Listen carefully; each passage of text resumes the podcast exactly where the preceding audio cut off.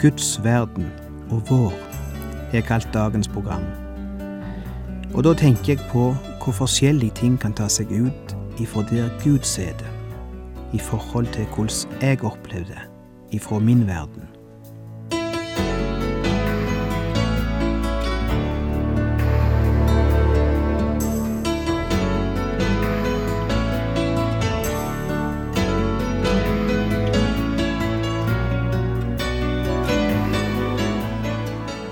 Hjertelig velkommen til et nytt program i serien Vindu mot livet. Vindu mot livet er basert på programserien Insight for Living ved Chuck Svindal. Programmet er produsert av Kristen Riksradio og blir ledet av Ola Bjoland.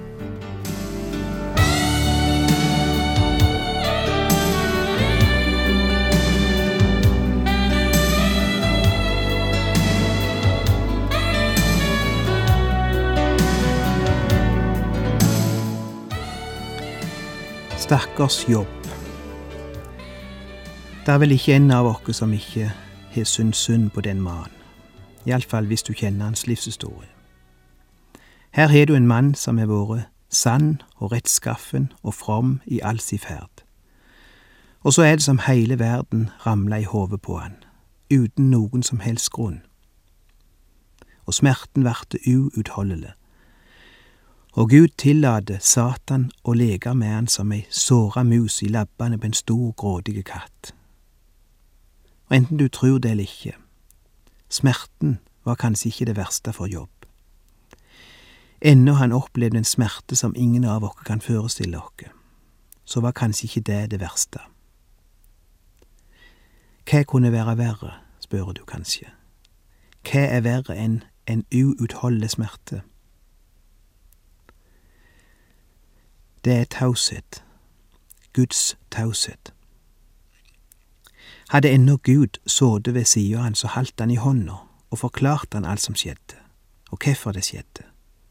Akkurat som en far eller ei mor sitter og heller barnet i hånda når det er hos doktoren og kjenner smerten ifra sprøyta eller kniven, og forklarer barnet hvorfor det må være vondt ei lita stund.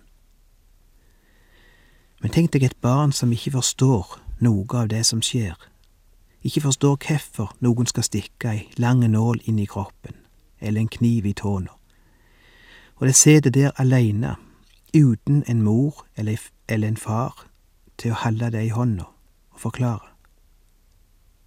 Slik var det Jobb opplevde det. Smerten var én ting. Det som kanskje var verre, var at Gud var taus. Han sendte ingen forklaring.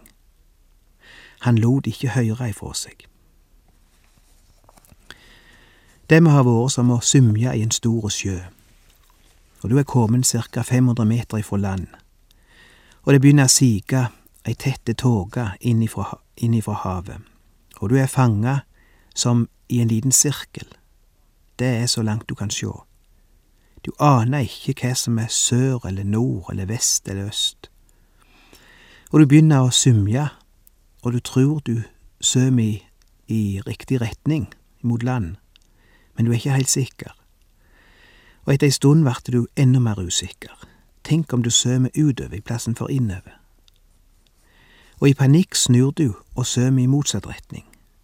Du er fullstendig mista orienteringsevnen. Kanskje du sømer i sirkel for det du vet. Du har ingen peiling på hvor landet er, og det begynner å verte mørkt. Kan tenke deg en slik situasjon. Du får panikk og det eneste som kunne redde deg, var om du hører en stemme som sa hvilken vei du skulle symje. Om du bare kunne få vite hvilken retning, så ville du kanskje klare det. Du trenger en stemme, du trenger å høre en på land som står og roper, så du har en stemme å symje etter. Men der er fullstendig taust. Noe av dette måtte det være Jobb opplevde, der han satt i ei steinrøys av det som en gang hadde vært et landskap. Hans øyelagte gård og heim lå der i ruiner, og oppe i skråningen lå flere ferske graver der hans barn hadde blitt begravd. Han hadde mista alt. Alt han eide, og alt han var, vart tatt ifra han. Han sitter der i åska, han kan ikke sjå Gud i alt dette. Han kan ikke høre Guds stemme. Alt er skodda rundt han. Alt er svart. Og Gud er borte. Og han skriver dagbok der han sitter. Han skriver ned ord og følelser som er bevart seinere i kapittel tre i denne boka som har fått navn etter han, Jobbs bok. Han skriver ned følelser og ord som lett nok kan kritiseres av folk som sitter friske i, et, i en trygge heim med god inntekt og friske barn og alt de trenger i livet. Når en har det godt, så sier en ikke slike ord som Jobb sier her. Men når en er i jobbssituasjon, da kan ordet bedre forstås. Hør hva som står i begynnelsen av kapittel tre. Da åpnet Jobb munnen og forbannet den dagen han ble født. Han tok til orde og sa, Hvorfor fikk jeg ikke dø da jeg ble født? Utånde straks jeg kom fram fra mors liv. Det er ord ifra et menneske som sitter i oska ifra sin egen heim, og oska ifra sine egne barn. Han forstår ikke hvorfor. Og Gud gir ikke noe svar. Gud er taus, og han er aleine. Og der er noe som er verre enn døden, tenker Jobb, og det er å leve i et mørke som han er i nå. Da ville døden være å foretrekke. Hør på slutten av kapittelet, vers 24 til 26. Mine sukk er blitt mitt daglige brød. Mine klagerop strømmer fram som vann. De redsler jeg fryktet for, har rammet meg. Nå kommer det jeg grudde for. Jeg får ikke fred, ikke ro og hvile. Det kommer bare nye plager. La oss ikke kritisere jobb hvis vi ikke har vært der sjøl. Jeg tok meg, meg i det en gang jeg sa det snakket med ei unge jente som var i en så forferdelig og umulig situasjon at du kan mest ikke forestille deg det. Jeg glemmer aldri den såre gråten og de sterke, bitre, forbannende orda som kom ut av hennes munn. Og jeg rygga tilbake, og tenkte med det samme. Sånn må ikke en kristen snakke. Men jeg beit det i meg og sa til meg sjøl, du har ingen rett til å si noe sånn, for du har ikke vært der hun er. Du har ikke den minste anelse om hva hun har gjennomgått. La henne bare snakke ut. La hun få det ut. Kan Gud høre på det, så kan saktens jeg høre på det. Nå har jeg lyst til at vi skal prøve å flygge oss ifra jobbsverden, ifra fortvilelsens verden, fra den verden vi ofte sitter i, og fra den sida vi ofte ser ting ifra. Flygge oss til en verden som ikke er så lett å måle eller sjå. La oss flygge oss ifra den materielle, realistiske verden, til den verden som noen vil kalle den filosofiske. Vi som tror, kaller det den åndelige verden. Og jeg har lyst til å snakke om dette med tid, begrepet tid. Jeg har lyst til å sette opp imot hverandre, eller sammenligne, hva tid er for oss, og hva tid er for Gud i Guds verden. Vi ligger og flyter i sjøen, med skodder rundt dere, og ser bare et bitte lite stykke. Det er det vi kaller nåtid. Det er det vi ser akkurat nå. Fordi hele vårt perspektiv er målt ut ifra det øyeblikk vi befinner oss i nå, det området på sjøen som vi ser akkurat nå, og som kan være bare noen få meter i hver retning, kanskje. Så snakker vi om det som ligger utenfor synsvidden, som fortid eller framtid. Og vi måler og registrerer dette med tid ved hjelp av bestemte instrumenter. Hvis du vil vite den nøyaktige time eller minutt på en dag, ser du på klokka. Hvis du vil vite hva dag i veka det er, ser du på kalenderen. Og hvis du er av den litt mer distré-typen, så sjekker du på første side av avisa hvilke årstall vi er i. Og hvis du vil vite litt om fortida, det som ligger utenfor synsvidden, det som hendte siste år eller for fem år siden, ser du kanskje i dagboka, eller i historiebøkene.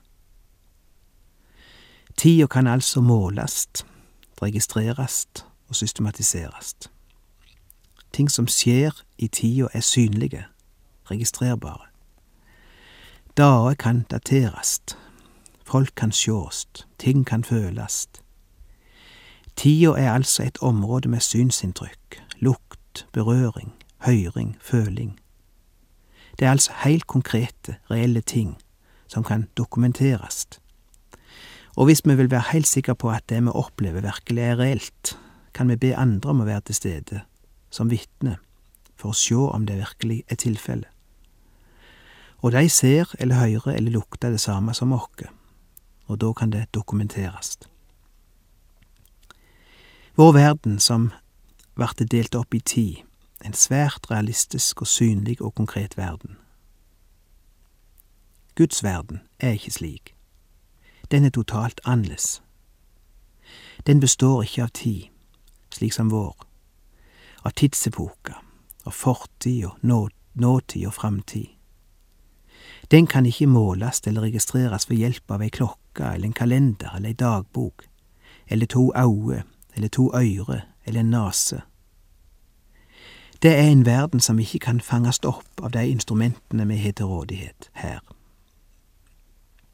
Tykker kanskje dette vert veldig tågete og veldig filosofisk. Ja, jeg vet det. Men det viser vel egentlig hvor annerledes Guds verden er, når vi ikke engang kan snakke klart om det, eller tenke klart om den. Du sier kanskje, jeg har ikke noe problem med å forstå Guds verden, jeg. Jeg ser faktisk ganske enkelt og enfoldig på det. Det er ikke noe problem for meg å fatte Gud. Jeg har ei enfoldig tru, og syns i groen alt er ganske klart og enkelt. Forstår ikke hvorfor en skal gjøre, gjør det hele så vanskelig. Ja, Gud velsigne deg. Men jeg tror jeg vil påstå, da har du ikke vært der jobb var. Da har ikke du sittet i oska og ruinene av alt du hadde og alt du var. Og der er null igjen, og midt i det hele har Gud vært taus. Det er da en begynner å oppdage at en forstår ingenting av Guds verden. At den må være så totalt annerledes enn vår. At tid og sted og smerte og angst og tomhet, at det faktisk er en virkelighet som varte uvirkelig når vi fløt over i den andre verden. Den varte som en vond draum, og òg draumen skal tas bort ifra vårt minne. Nei, la meg ikke rote meg lenger inn i filosofien, la meg heller fortelle noe jeg las nylig. Natt til den 23. februar 1987 observerte en romforsker i Kile en eksplosjon av en fjern planet. En eksplosjon så voldsom at den utløste like mye energi i løpet av et sekund som sola utløser i løpet av ti billioner år. Var dette noe som virkelig hendte den 23. februar 1987? Vel, det hendte rett nok ut fra vårt perspektiv. Det var reelt nok det romfaren registrerte. Men videre undersøkelser avslørte at denne fjerne planeten hadde eksplodert 170 000 år før 1987, men at lyset fra eksplosjonen ikke hadde nådd jorden før denne bestemte datoen. Lyset, som beveger seg i en hastighet av ti millioner kilometer i året, tok altså 170 000 år for å nå vår vesle planet og kunne altså registreres av vårt øye først i det herrens år 1987. Jeg vet ikke hvor seriøs denne artikkelen er, jeg er ikke inne i nøyaktig tall for avstander i verdensrommet, men vi har hørt så mye om dette at for de fleste av oss svimler det når vi prøver å tenke på det. Men ifra vår planet ser alt enkelt og forholdsvis målbart ut. Og enda enklere og begrensa ser ting ut ifra min vesle verden, som ofte er omgitt av skodder og mørke. Men av og til går det litt opp for meg at dette er egentlig ikke den virkelige verden. Den er virkelig nok for meg, ja, men den ser helt annerledes ut utenifra, ifra et annet perspektiv. I Guds verden er det verken, er det verken dag eller natt, verken veke eller år, verken tyngdelov eller sentrifugalkraft, verken lys eller mørke, verken tid eller rom. Jeg har en komisk historie om en crazy vitenskapsmann som arbeidet med planer om å sende et romskip til sola. Noen venner advarte han og sa du kommer til å brenne opp, men mannen svarte å nei, jeg har tenkt å reise om natta når ikke sola skinner. For Gud er der ingen natt, og ingen dag. Det er fra vår verden vi opplever ting som natt og dag. Men over vår verden gjelder ikke slike regler. For Gud fins der ikke fortid eller nåtid eller framtid. Han er over slike skjema. Han opererer i en verden som ligger utenfor de lovene som gjelder i vår verden. Vi ser på historien som en lang frekvens av bilder som passerer våre øyne som en film. Ett bilde passerer om gangen, og når det har passert, er det historie, fortid. Og en del bilder har ikke passert ennå, de ligger lenger framme på spolen. Det er framtida. Men Gud ser hele filmen samtidig, hele vårt liv, vår fortid og vår nåtid og vår framtid. Samtidig med billioner av andre ting som skjedde eller skjer eller skal skje. Han er over disse rammene og disse begrensningene. Men her har vi et problem. Vårt problem er at vi leser livet galt. Fordi vi flyter i skodda. Vi ser ikke lenger enn det som er umiddelbart rundt dere. Den lille sirkelen av en verden som er min verden. Og den kan sjå ganske kaotisk ut av og til. Men bakom skodda ser alt annerledes ut. Det er der Gud er. Kanskje det forklarer litt av hvorfor Gud ikke får panikk når vi får panikk. Kanskje det forklarer litt av hvorfor Gud ikke alltid ser ut til å oppleve det som katastrofe, det som vi opplever som katastrofe. Kanskje det er grunnen til at Gud ikke, ja, jeg våger nesten ikke si det, men at sykdom og enda død og tap ikke oppfattes av Gud på samme måten som av oss. Fordi det som forsvinner ut av vår verden, forsvinner ikke ut av hans verden. Det vi mista, og ikke lenger, lenger ser iblant dere, det har ikke han mista. En som heter Philip Jensi, har skrevet ei bok som han er kalt Når vi blir skuffet av Gud. I et av kapitlene skriver han Uansett hvordan vi tenker, så vil Gud av og til oppleves som urettferdig for et menneske som er fanget i tidens felle. Først når tiden er slutt, når det ikke er mer tid, når vi kommer over i Guds verden og får se ting fra hans perspektiv, når alt ondt blir straffet eller tilgitt, når hver sykdom blir helbredet, når hele universet blir restaurert, først da vil vi se at det er rettferdigheten som rår. Da vil vi forstå hemmeligheten med det onde, og vi vil kunne forstå endog det urettferdige og uforklarlige ved for eksempel et lite barns plutselige død. Men før vi flytter ut av tiden, vil vi aldri klare å forstå det. Vi kan bare stole på Gud og håpe at Han vet hva Han gjør, og at Han kan gi oss en forklaring en dag. Og han fortsetter, vi forstår ikke de mange små og store ting som skjer, Vi lever i uvitenhet. Ikke fordi Gud liker å, å la oss leve i mørke og uvitenhet, men fordi vi har ikke instrumenter til å måle eller evne til å ta imot det lys Gud ser ting i. Gud ser alt i sammenheng, og hele historien og evigheten under ett. Vi er bundet av tiden, og har en primitiv oppfattelse av ting. Ikke før historien har løpt løpet ut, vil vi forstå hvordan alle ting virker sammen til det gode. Å tro betyr å tro på forhånd, det som vi vil forstå i ettertid. Men det er tøft. Det høres til ut som nonsens for noen, som tomt åndelig prat, for de som kanskje akkurat nå sitter i ruinene slik som jobb. Jeg vet det, og jeg prøver ikke å argumentere verken overfor jobb eller overfor deg.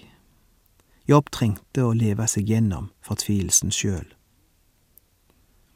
Men mens vi er der, er det noen tanker ifra Guds ord som kan hjelpe oss til en gradvis større erkjennelse av Guds virkelighet og Guds verden, og gi oss enkelte holdepunkter som kan hjelpe oss gjennom vår verden. Hjelpe oss til å leve i skodda uten å få panikk. Og slike holdepunkter finner vi ikke bare i Jobbs bok, men òg i den boka i Bibelen som kommer før Jobb, nemlig Esters bok. Boka der Gud ser ut til å være like langt borte som i Jobbs bok. Boka der Guds navn ikke førekjem, og ikke Hans røst høyres. Boka der alt taler for at Gud fullstendig mister kontrollen. Men det er fordi det ble sett ifra vår verden. For etter hvert oppdager vi at Gud er der heile tida, skjult, men levende og han regisserer det hele så utrolig klokt og planlagt at vi står bare og måper når vi ser det endelige resultatet. Og både jeg, og antagelig også du, har lest også slutten av Esters bok og kjenner konklusjonen. Men de som lever midt oppi boka, i kapittel tre for eksempel, de ikke leser slutten, eller sitt slutten.